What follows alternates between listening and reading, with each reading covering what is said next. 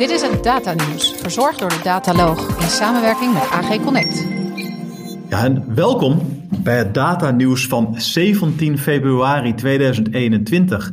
Vandaag met Jasper Bakker van AG Connect. Jasper, goed je weer in de uitzending te hebben. Ik ben weer terug. Ik ben niet uit de lockdown, maar wel hier eindelijk weer terug.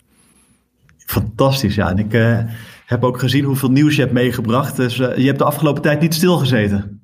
Nee, het uh, thuiswerken, het, het scheelt luistertijd is reistijd, zoals jouw bekende slogan is. reistijd ja. is werktijd geworden. Moet eigenlijk jezelf een beetje bewaken. Maar goed. Goed nieuws uit Nederland en omstreken. Ja, heel goed. Uh, en uh, als we het toch hebben over uh, ja, goede ontwikkelingen, is er nog wat gebeurd in Nederland? Ja, nou, goed nieuws uit Nederland. datales voor democratie geef ik als leus mee. Onze politici krijgen digitale les aangeboden vanuit een, een brancheorganisatie. is dat goed of is dat een slimme lobby? Of een beetje van beide. Er zijn acht brancheorganisaties in de, onze digitale sector. Die gaan politici kennis bijbrengen over de werking van digitale samenwerking, van economie. Uh, en deze dus uh, onder de titel de Digitale Binnenhof Academy krijgen politici kennis en achtergronden aangeboden over onder andere nou, cyberveiligheid, cloud, dataverzameling, bescherming van data en natuurlijk ontwikkelingen op het gebied van AI. Nou, ik denk dat die wel redelijk noodzakelijk is hoor. Ja, want uh, vanuit AG Connect zijn jullie altijd wel bezig met die digitalisering in de politiek. Ja, kijk, we hebben natuurlijk een, een, niet een belang als, als, als industrie, maar wel een belang voor, nou ja, voor de BV Nederland en onze lezers, dat gewoon meer mensen digitale kennis hebben. We, we, weten allemaal nog wel die beelden van Wim Kok, die een muis als een afstandsbediening vasthield. Dat was heel erg. Dat, hè, die man is, was natuurlijk een heel goed bestuurder, maar op dat vlak dachten we, oh god, wat erg. En dat soort dingen zijn tegenwoordig nog steeds wel. Hè. Er zijn politici die niet goed weten wat een ethernetadres is of een ethernetpoort. Nou, dan zijn dat de digitale, ja, de dingetjes, de bitjes, bytes. Maar de grote lijnen zijn natuurlijk ook wel belangrijk. Nou, en jullie doen daar wat aan uh, als AG Connect met een, verkiezing van de IT-politicus van het jaar. Ja, precies. Dat doen we elk jaar. En we hebben in het verleden wel eens moeite gehad met hoeveel het genomineerden. Te, te weinig bedoel je? Uh, geen commentaar. Uh, vier jaar geleden was digitalisering niet echt een, een thema in de Tweede Kamer. Hè? Je, je, je, kon partijprogramma's doorspitten, Ctrl-F op cyber of Ctrl-F op IT of ICT. Dan kwam je het wel eens tegen.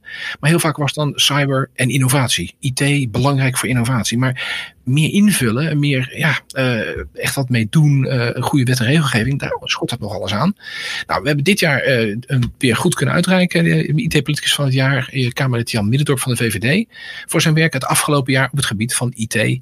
en, Waarom heeft hij dat verdiend? Nou, hij heeft het afgelopen jaren zijn energie gestoken om op de agenda te krijgen van, van onderwerpen als digitale weerbaarheid voor onze democratie.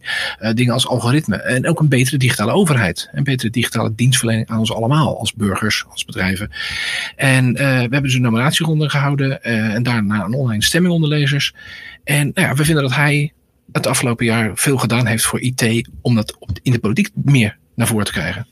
Ja, nou, hartstikke mooi. En uh, ja, een, een, bedrijf, als we iets verder kijken dan uh, Nederland en kijken naar wat er in de wereld gebeurt. Ja, een bedrijf die ook heel veel gedaan heeft voor uh, de IT, Microsoft, die gaat een product uit de roulatie nemen. Ja, dat is goed nieuws uit de wereld. Hè. We gaan van Nederland naar de wereld. Waarom is dat goed nieuws? Nou, het is goed nieuws, omdat uh, ja, af en toe moet je breken met het verleden. Uh, compatibiliteit, legacy of heritage, iets positiefs gezegd, zijn grote goeden. Maar Microsoft heeft natuurlijk al een verleden van dingen op een eigen manier willen doen. Zie de browser wars. er zijn webstandaarden waar Microsoft zich niet altijd netjes aan heeft gehouden. En dat heeft ons op een gegeven moment Internet Explorer opgeleverd, waar heel veel webdevelopers nog steeds wel grijze haren van hebben, of, of haar uitgetrokken hebben. Omdat IE doet bepaalde dingen op zijn eigen manier. Dus maak jij een website of een webtoepassing of een webservice, dan moet je daar toch rekening mee houden. Nou, afgelopen jaren is IE steeds minder een factor geworden. Hoewel er nog steeds bedrijven zijn die interne applicaties draaien. Goed, dat is een ander onderwerp. Uh, maar Microsoft gaat nu eindelijk afscheid nemen van IE en van Edge. Tenminste, het oude Edge. Want, ja, als je terugkijkt, Microsoft die kwam uh, en zag uh, en overwon met de eerste browser, Wars versus Netscape. En ja, toen stagneerde het een beetje met IE6. Ja, toen verloren ze de derde browser wars tegen Chrome. Toen dachten ze, nou, dan gaan we herzien en komen we met Edge. Ja, die verloren weer, of ja, misschien nog altijd. Herzagen dat weer met Chromium. En ja, nu ontnemen ze straks toch IE en Legacy Edge. Ja, En, en dat is dus het, het, uh, het, het, We hebben nu het nieuwe Edge gebaseerd op Chromium. Het oude Edge, wat een eigen engine heeft en wat nooit groot aangeslagen is, dat gaat dus verwijderd worden uit Windows 10. Net zoals Internet Explorer met een update die eraan gaat komen, een security update, die dan ook wat wegneemt. Wat goed is voor de functionaliteit. Maar Microsoft is natuurlijk niet alleen bezig met het verleden. Tegelijkertijd is Microsoft bezig met de toekomst. Uh, bedrijf staat uh, in clouddiensten, maar ook in quantum computing. En recent heeft Microsoft wat verbeteringen aangebracht in de beta-versie van Azure Quantum. Wat dus een cloud toegang is tot een quantumcomputer bij Microsoft. En die toegang is voor ons allemaal open. Ja, en het contrast met uh, de browser kan eigenlijk niet groter. Hè? Want Microsoft heeft deze dienstverlening alleen in mei beschikbaar gesteld. Maar toen alleen nog voor een beperkt aantal genodigden, zoals dat gaat hè, met nieuwe diensten. Uh, en nu staat die mogelijkheid tot experimenteren voor iedereen open. Kijken of het allemaal goed werkt. En ja, blijkbaar werkt het goed genoeg om het open te stellen voor het algemene publiek. En net zoals eerder IBM en uh, AWS ook kwantum-experimenten uh, gedeeltelijk toegankelijk hebben, dat je dus iets, een, een job kan proberen te draaien of een eigengemaakte toepassing uitproberen. Het, het, is, het is nog experimenteren, maar nu voor meer mensen. Ja, nou, grote ontwikkelingen en uh, over experimenteren gesproken. Laten we eens kijken wat er in de academische wereld allemaal gebeurd is de afgelopen tijd. En dan nu, de laatste wetenschappelijke inzichten op het gebied van AI en deep learning. Ja, uh, kritische professor die tekeer gaat tegen modelitis. Moet ik even goed uitspreken. Uh, Oei, is dat besmettelijk? Nou, uh, laten we hopen van niet. Nee, het, zit het gaat erom dat uh, heel veel onderzoekers op AI-gebied zijn bezig met het tweaken aan modellen. Uh, technisch detailwerk. En eigenlijk moeten ze daar een beetje van los komen en meer aandacht besteden aan een hoger abstractieniveau. Al dus Stanford University hoogleraar Chris Ray. En hij heeft het onder andere over, je moet meer richten op de mogelijkheden voor domeinexpertise om dat te kunnen toepassen op AI. En niet zozeer ja, spelen en, en fijn fijn afstellen van het model eronder. Nou, die man weet wel waar hij over praat, want hij is niet alleen hoogleraar kunstmatige intelligentie. Hij heeft de afgelopen jaren ook vier keer een start-up opgezet, waarvan er twee verkocht zijn aan Apple. Nou, dan doe je toch wel iets goed, lijkt mij. Nou, in een voordracht voor het Human Centered Artificial Intelligence Instituut van de Universiteit van Stanford, heeft hij zich afgezet, nogal fel afgezet tegen collega's aan uh, andere onderzoekers. Die, ja, die zijn te veel bezig met triviale zaken die een paar jaar geleden belangrijk waren, maar nu eigenlijk niet meer. Het is een interessante ontwikkeling. Uh, helemaal omdat je hiermee ziet dat uh, kunstmatige intelligentie ook naar een, een volgend niveau gaat. Uh, want sinds het werk aan, aan modellen zoals Google's uh, BERT of uh, GPT van OpenAI worden modellen steeds meer commodities, off-the-shelf producten. Um, ja, en als onderzoeker kan je dan gaan tweaken aan nuance in de architectuur of hyperparameters gaan fine-tunen. En Ray noemt dat echt een obsessie van, van onderzoekers. En waar het eigenlijk om gaat, zegt hij, is de long tail of distributions. Dus in feite de details die zelfs de grote krachtige modellen in, in verwarring brengen. En waar het misgaat is in die subtiele interacties, hè, subtiele dubbelzinnigheden in, in gebruikte termen. En juist daar kan heel veel werk gedaan worden uh, aan, zoals hij het noemt, fijnmazig redeneren en, en kwaliteit. Nou, om daarmee aan de slag te gaan, is er een nieuwe manier nodig om dit soort systemen te bouwen. Uh, en aandacht ja, voor zogenaamde nieuwe failure models voor AI. En Ray verwees daarvoor ook naar een blog van André Karpati, een AI-specialist van Tesla. En die schrijft over eh, AI als software 2.0. Ja, dat vindt Ray veel zinvoller om aan de slag te gaan dan tijd te verdoen aan de non-jobs for engineers. Ah, dus eigenlijk ja, uh, net zoals jaren terug de software-industrie. Kots. COTS, wat zeg je nou? Uh, commercial off-the-shelf software. Een hele bekende term in IT. Alleen die term is zo oud dat die inmiddels niet meer zo bekend is. Je gaat niet meer jezelf je besturingssysteem maken. Je gaat niet meer zelf je compiler maken. Je gaat niet meer zelf je applicatie maken. Misschien wat macro's of connectors. Maar maatwerk is lager hoger.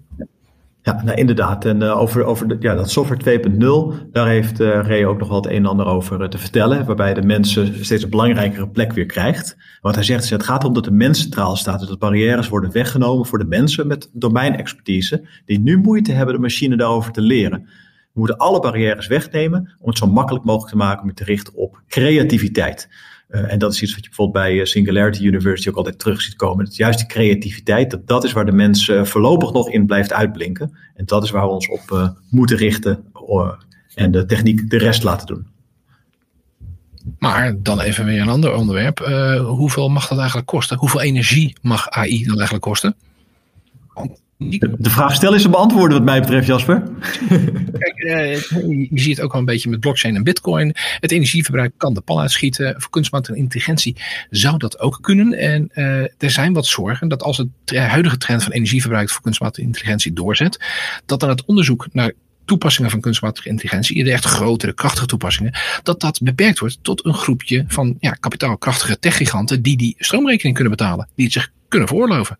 Nou, en die bedrijven hebben natuurlijk niet per se de beste ontwikkelingen voor de maatschappij voor ogen. Die hebben een verdienmodel, die willen misschien uh, ads zijn voorschotelen of anderszins data zien te minen en zien te analyseren. Dus uh, critici zijn zich daar wel een beetje zorgen over aan het maken.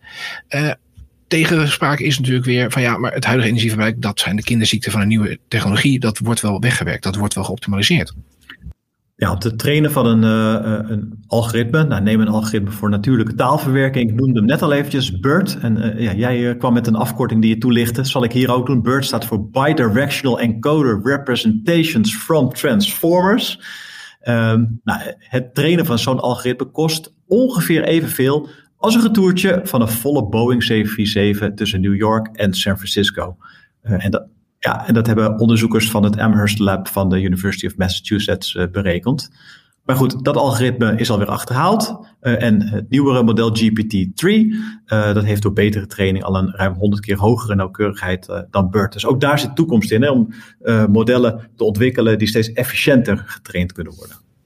Ja, dat doet mij ook denken dat eh, wat we nu met laptops doen, dat was voorheen, uh, had je daar een, uh, nou, een Pentium 4 voor nodig die de hele kamer verwarmde. Dat zijn we ook alweer voorbij. Dus optimalisaties, meer efficiëntie, dat, dat is wel een trend in de hele IT-ontwikkeling. Dus laten we hopen, ook voor AI. Ja, en als we het hebben over de ontwikkelingen in AI, dan is er in Nederland een partij die zich daar hard voor maakt. Dat is de Nederlandse AI-coalitie. En die hebben bekendgemaakt dat zij gaan samenwerken met het Franse Nationale AI-initiatief. Uh, en deze twee nationale AI-coalities die uh, willen er op die manier voor gaan zorgen dat zoveel mogelijk ondernemers en onderzoekers de vruchten kunnen plukken van uh, AI. ze richten zich daarbij onder andere op MKB, op startups en, en scale-ups. En ze gaan ook onderzoeken of AI-producten een keurmerk moeten krijgen dat de hoge standaard daarvan waarborgt. En wat ik nog leuk vind hierbij te vermelden is dat we vanuit de Datalog ook een samenwerking hebben met de NLAIC voor een serie specials waarin we juist ook ja, AI toegankelijk willen maken voor een, een breed publiek ben ik ook wel benieuwd. Want deze samenwerking tussen Nederland en Frankrijk, die twee coalities gaan samen onderzoeken hoe AI optimaal gebruikt kan worden voor het MKB. Dat is niet gelijk een stap die, die ik zou denken. Maar dat is natuurlijk wel een hele grote markt. Nederland is een MKB-land. Uh, ik ben benieuwd uh, wat er gaat komen uit het gebruik van landbouwdata. Dat staat ook op de agenda daar. En landbouwdata, digitale boeren, dat heeft Nederland wel. Uh, daar zijn we wel mee bezig. Dus ik ben erg benieuwd hoe Nederland en Frankrijk daar in elkaar ja, aanvullen. Wie heeft wie het hardste nodig? Of is de een meer op het ene gebied, de ander op het andere gebied? Probeer dat eens in een volgende uitzending van de dataloog boven water te krijgen. Ja, goed idee. En uh, wat ik me ook gelijk afvraag dan, want we hadden het net over het energieverbruik. Ja, als die boeren nou allemaal uh, digitaal gaan, is dat dan een verschuiving ook van de uitstoot, hè, waar zoveel om te doen is? Ja, precies. Nou, dat is gelijk een mooi bruggetje naar ons uh, vol, volgende onderwerp. feit of fictie? Feit of fictie? fictie, fictie, Ja, Jasper, want jullie hebben vanuit AG Connect de eerste cyborg op aarde geïnterviewd ja, en uh, hij is niet alleen meer een cyborg, hij werkt ook aan Parkinson-onderzoek. Een veelzijdig uh, wezen. Hij heeft wat uh, in zijn mars, ja. Want we hebben het hier over de Britse professor cybernetica Kevin Warwick. En die is momenteel 66 jaar. En 20 jaar geleden was hij de eerste met een microchip in zijn arm. en daarmee dus ja, de eerste cyborg ter wereld. ja, en als we kijken naar het nu, dan hoopt hij dat er ooit nog een in zijn brein wordt geplaatst. en daarover sprak hij ook hè, met AG Connect. Over zijn avonturen als cyborg. Hartelt heeft eh, hem geïnterviewd uh, over uiteenlopende zaken. En een van de dingen die opvielen, mij opvielen was inderdaad dat Warwick verwacht dat over 50 jaar iedereen een chip zou willen. Niet alleen in je lijf, maar in je brein. Hij komt een moment waarop we dit juist willen, zegt hij. Een Big Brother, maar dan niet eentje tegen ons, maar eentje waar we juist deel van willen uitmaken. Hij zegt nog een jaar 50 en dan willen de eerste mensen graag een implantaat. De enige vraag is, kan het veilig en zonder problemen? Zo ja, dan gaat het gebeuren. Nou, mijn collega die hem geïnterviewd heeft, had zoiets van, nou, hoe, zeker weet u dat nou? Toen gaf hij op zich een interessant voorbeeld. De laserbehandeling voor je ogen. Als je twintig jaar geleden mensen gezegd zou hebben, of gevraagd zou hebben, wil jij een laser op je ogen laten gaan om je zicht te verbeteren? Had mensen gezegd, nee, ben je gek? Dat, dat, dat doen we niet. Dat is helemaal niet veilig. Dat, zegt, dat zou ik nooit willen doen. Nu willen mensen juist graag een laserbehandeling, want dan kun je van je bril af zijn, kun je scherper zien. En het is geen groot ingreep meer. Het kan gemakkelijk, het kan veilig. Nou, hij voorziet voor chipimplantaten eenzelfde ontwikkeling. En als je meedoet, word je onderdeel van het nieuwe systeem, is zijn optimistische gedachte. Ja, het is interessant, hè, want het is helemaal niet ondenkbaar. Kijk bijvoorbeeld naar uh, Elon Musk, die met zijn bedrijf Neuralink uh, chips in, op hersenen wil aansluiten. En dat niet alleen wil, dat hij dat ook doet. Hè, want deze zakenman die demonstreerde eigenlijk al, ook alweer vorig jaar in augustus een varken met een chip in de hersenen. Dus ja, Jasper, ik denk dat wij over 50 jaar vanaf een, een, rustig plekje achter de geraniums toch maar eens terug moeten blikken op dit uh, item. Ik laat mijn chip met jou connecten.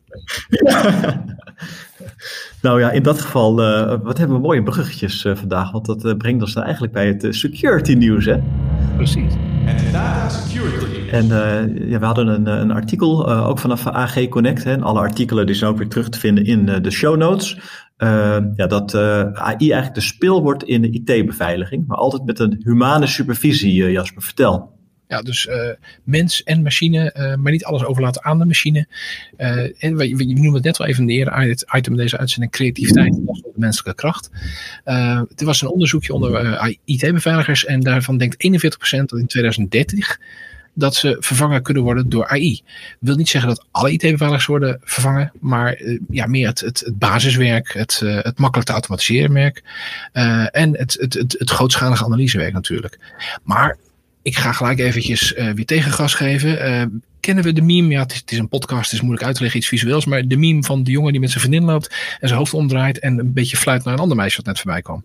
Nou, ja, en zijn vriendin die, die kijkt daar dan niet helemaal blij mee, uh, geloof ik, hè? Nee, nee precies. Nou, die meme is uh, net deze week nog. Ja, toegepast ook op dit soort dingen. Uh, het meisje ja. naar fluit. Hij is de security-industrie. Het meisje waar hij naar fluit is cyber AI, offensive uh, security warfare. Of dat soort uh, buzzwords. En zijn huidige vriendinnetje die niet blij is. Dat zijn de openstaande remote beheertools en de default wachtwoorden. Wat is de grootste dreiging voor security? Toch echt wel de openstaande wachtwoorden, de openstaande remote team viewer instances. Zie het waterbedrijf in de VS, wat uh, in Florida gehackt was en waar bijna dus het dorpje vergiftigd ging worden. Dat was gewoon een remote beheertool die open stond. Oh ja, ja, ja. dus de devil is in de details daar. en als we het hebben over data security, dan hoeven we in ieder geval geen zorgen te maken over het plaatsen van de VN-datacentra in, in China. Althans, als het aan onze minister Blok ligt. Uh, want hij stelt dat het, uh, dat het idee is om datacentra van de VN in China te gaan uh, plaatsen en daar gebruik te maken van vrij beschikbare gegevens. denk dan aan scheepvaarttracking-gegevens of geografische gegevens. En hij verzekert dat er geen vertrouwelijke Nederlandse data, zoals bijvoorbeeld persoonsgegevens, terecht gaan komen bij deze VN-databases in China. Ja, en bovendien, het gaat niet alleen om VN-datacentra toevallig in China. Het gaat om een veel breder initiatief, waaronder datacentra in China, maar ook in andere landen. Het gaat om het United Nations Global Geospatial Knowledge and Innovation Center. Uh, en in de Chinese stad Diking wordt dan op regionaal niveau drie regionale hubs opgericht. Uh, in Hangzhou, Rwanda en de Verenigde Arabische Emiraten. Er zijn dus nog andere. En er komt nog een vierde regionale hub in Rio de Janeiro. Dus het is een veel breder initiatief en zoals Blok ons geruststelt, vrij beschikbare gegevens. Ja, dus uh, wat betreft die VN-datacentra ziet het kabinet ook uh, vooralsnog geen problemen, uh, omdat er vooral sprake is van een technische samenwerking. Er geen vertrouwelijke Nederlandse data worden gebruikt en er ook nauw contact is met de betrokken partijen. er is dus ook geen indicatie van vergaande problematische ontwikkelingen, schrijft Blok in een, in een artikel op, op AG Connect. maar vanzelfsprekend blijft uh, het kabinet ontwikkelingen nauwgezet volgen. Ja, ik zou het wel blijven volgen. Uh, niet om te paranoia te klinken, maar ja, de gedachte, het is openbare data, die is correct. Maar we weten, uit data kun je heel veel afleiden. Uit metadata kun je ook al heel veel afleiden. Dus dit kan natuurlijk het helend vlak zijn van, ah, ik heb toch niks te verbergen. Maar vergeet niet, iedereen heeft al iets te verbergen. Personen, bedrijven, overheden, landen. Dus laat het, hopen dat het blok het echt goed blijft volgen. En laten wij ook even waakzaam blijven. De autoriteit persoonsgegevens, eh, de AP, die moet in 2022 eh, flink meer budget gaan krijgen, zodat de toezichthouder kan groeien. Eh, dat heeft de Tweede Kamer vorige week bepaald door een motie over het onderwerp aan te nemen.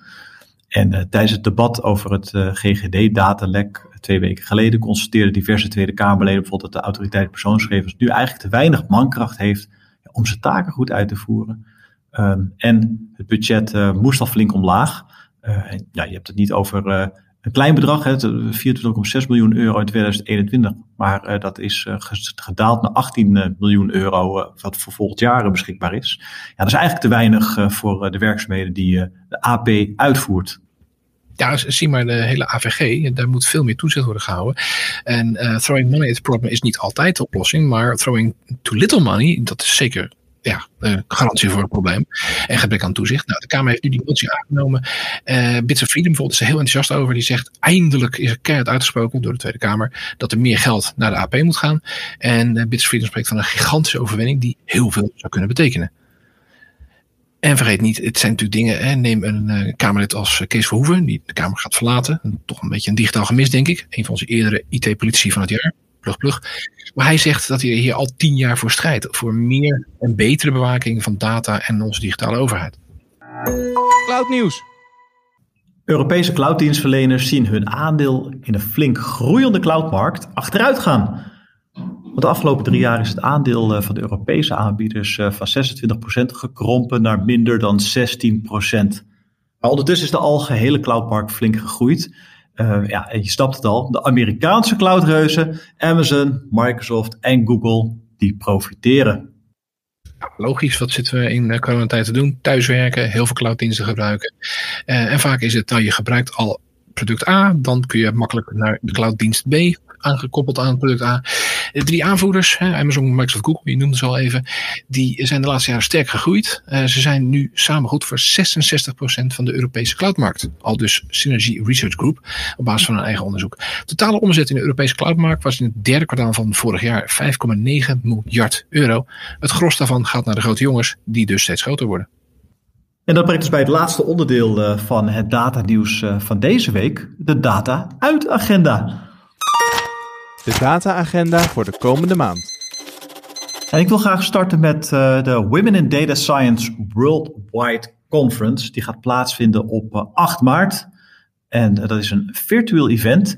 wat gaat over het inspireren en vooral ook over het onderwijs van data scientists van elk geslacht. Maar vooral ook het ondersteunen van vrouwen die al in het data science werkveld actief zijn. Het initiatief is gestart uh, op Stanford Universiteit, uh, maar inmiddels uh, zijn er in 60 landen initiatieven en activiteiten, waarbij 150 verschillende evenementen plaatsvinden in een tijdspanne van 24 uur. Dus dat is best wel cool. Um, en niet geheel toevallig valt deze conferentie samen met de International Women's Day. en natuurlijk kan je daar diverse experts aan het woord horen. Over big data, data science, AI, uit academische wereld, uit de zakenwereld, uit de overheidswereld en de non-profits. En vandaar even een bruggetje naar een ander event wat eraan zit te komen. Ietsje verder weg nog, de World Data Summit 2021, 19 tot 21 mei. Locatie, je raadt het nooit, ook virtueel, online, maar dan een hybride. Ze hopen ook een live evenement in Amsterdam te gaan houden. Dus ja, zal het weer kunnen? Zal het weer kunnen, Jasper? Mei? Mei, ja, 19 tot 21 mei misschien dat het dan wel kan, maar kun je dan een conferentie houden? Dat vereist voorbereidingstijd. En als je dan zo'n ja. week van tevoren nog niet weet of het wel of niet kan, ga je dan in die voorbereiding beginnen. Dus intentie is virtueel een hybride event. Uh, laten we ons concentreren op het online uh, gedeelte. Want daarvan weten we dat het zeker door kan gaan. Uh, de editie van dit jaar van de World Data Summit kijkt naar hoe en waarom maar 3% van alle data die we vergaren terechtkomt in het big data ecosysteem, zoals het heet. We hebben dus nog, net zoals onze hersencapaciteit, zoveel wat we niet benutten. Zoveel wat er nog te benutten valt. Nou, met die gedachten uh, op die dag, uh, of die dag, dagen, uh, mensen zich uit, de experts over analytische modellen, over hoe je data kunt gebruiken om customer growth te, aan te jagen, om unstructured data goed te kunnen begrijpen, om daarmee te kunnen werken. En natuurlijk ook nog datavisualisatie, om het voor een nog bredere groep mensen behapbaar, begrijpelijk en gebruikbaar te maken. Nou, de World Data Summit 2021 heeft ook allemaal workshops. En uh, ja, hopelijk ook heel veel gelegenheid om te. En ik zeg hopelijk, want ja, lastig merk ik. Vorig jaar was het dus een, eh, een traditionele conferentie. Dit jaar dus is er ook een virtuele optie. Super. Nou, en dan, uh, dit is allemaal uh, wat verder weg. Maar uh, binnenkort, 24 februari, is er ook gewoon weer een, meetup, een AI meetup. En ik pak er nu eentje uit van de AIcamp.ai. Want het is namelijk een halve dag, een interactief event met ja, leidende figuren op het gebied van AI en machine learning vanuit Google, Facebook, de academische wereld, vanuit Goldman Sachs en Anthem Insurance. Je hoort al het Amerikaanse sausje hier overheen. Uh, en het evenement uh, geeft een uh, mix van fireside chats, nou, tech talks natuurlijk, en gewoon toe, toegepaste AI. en sprekers zijn onder andere de research director van Google, Peter Norvik, de director van Facebook AI, Alan Hellevy. maar ook de CIO van Abacus.ai, Bindu Reddy. Uh, dus ben je geïnteresseerd? Uh, kijk ook in de show notes, uh, want daar zullen wij de link gaan plaatsen naar dit event. Ja, Jasper, dan, dat was hem voor deze keer. Wat een hoop nieuws hebben we weer verpakt hierin. en dat keurig in die 25 minuutjes. Het is ons gelukt. Fantastisch. Jasper, ik vond het er genoeg weer te hebben. En zullen we het over vier weken gewoon weer doen? Walter, het was fijn om het weer te doen. En inderdaad, we moeten het niet weer zo lang laten liggen. Tot over vier weken. Bedankt voor het luisteren naar deze uitzending van de Dataloog. Vond je onze podcast leuk, goed, interessant of wellicht te veel ene en nullen? Laat een review achter of geef thumbs up. Heb je vragen of opmerkingen? Kijk dan ook eens op www.dedataloog.nl. Hier staan ook de show notes van alle uitzendingen. Je vindt onze nieuwe uitzendingen wekelijks op iTunes, Stitcher, Spotify en alle andere bekende podcastplatforms. Alles wat we maken doen we onder Creative Commons. Je mag alles hergebruiken voor niet-commerciële doeleinden, zolang je ons als bron maar noemt. Volg ons op Twitter op @dedataloog.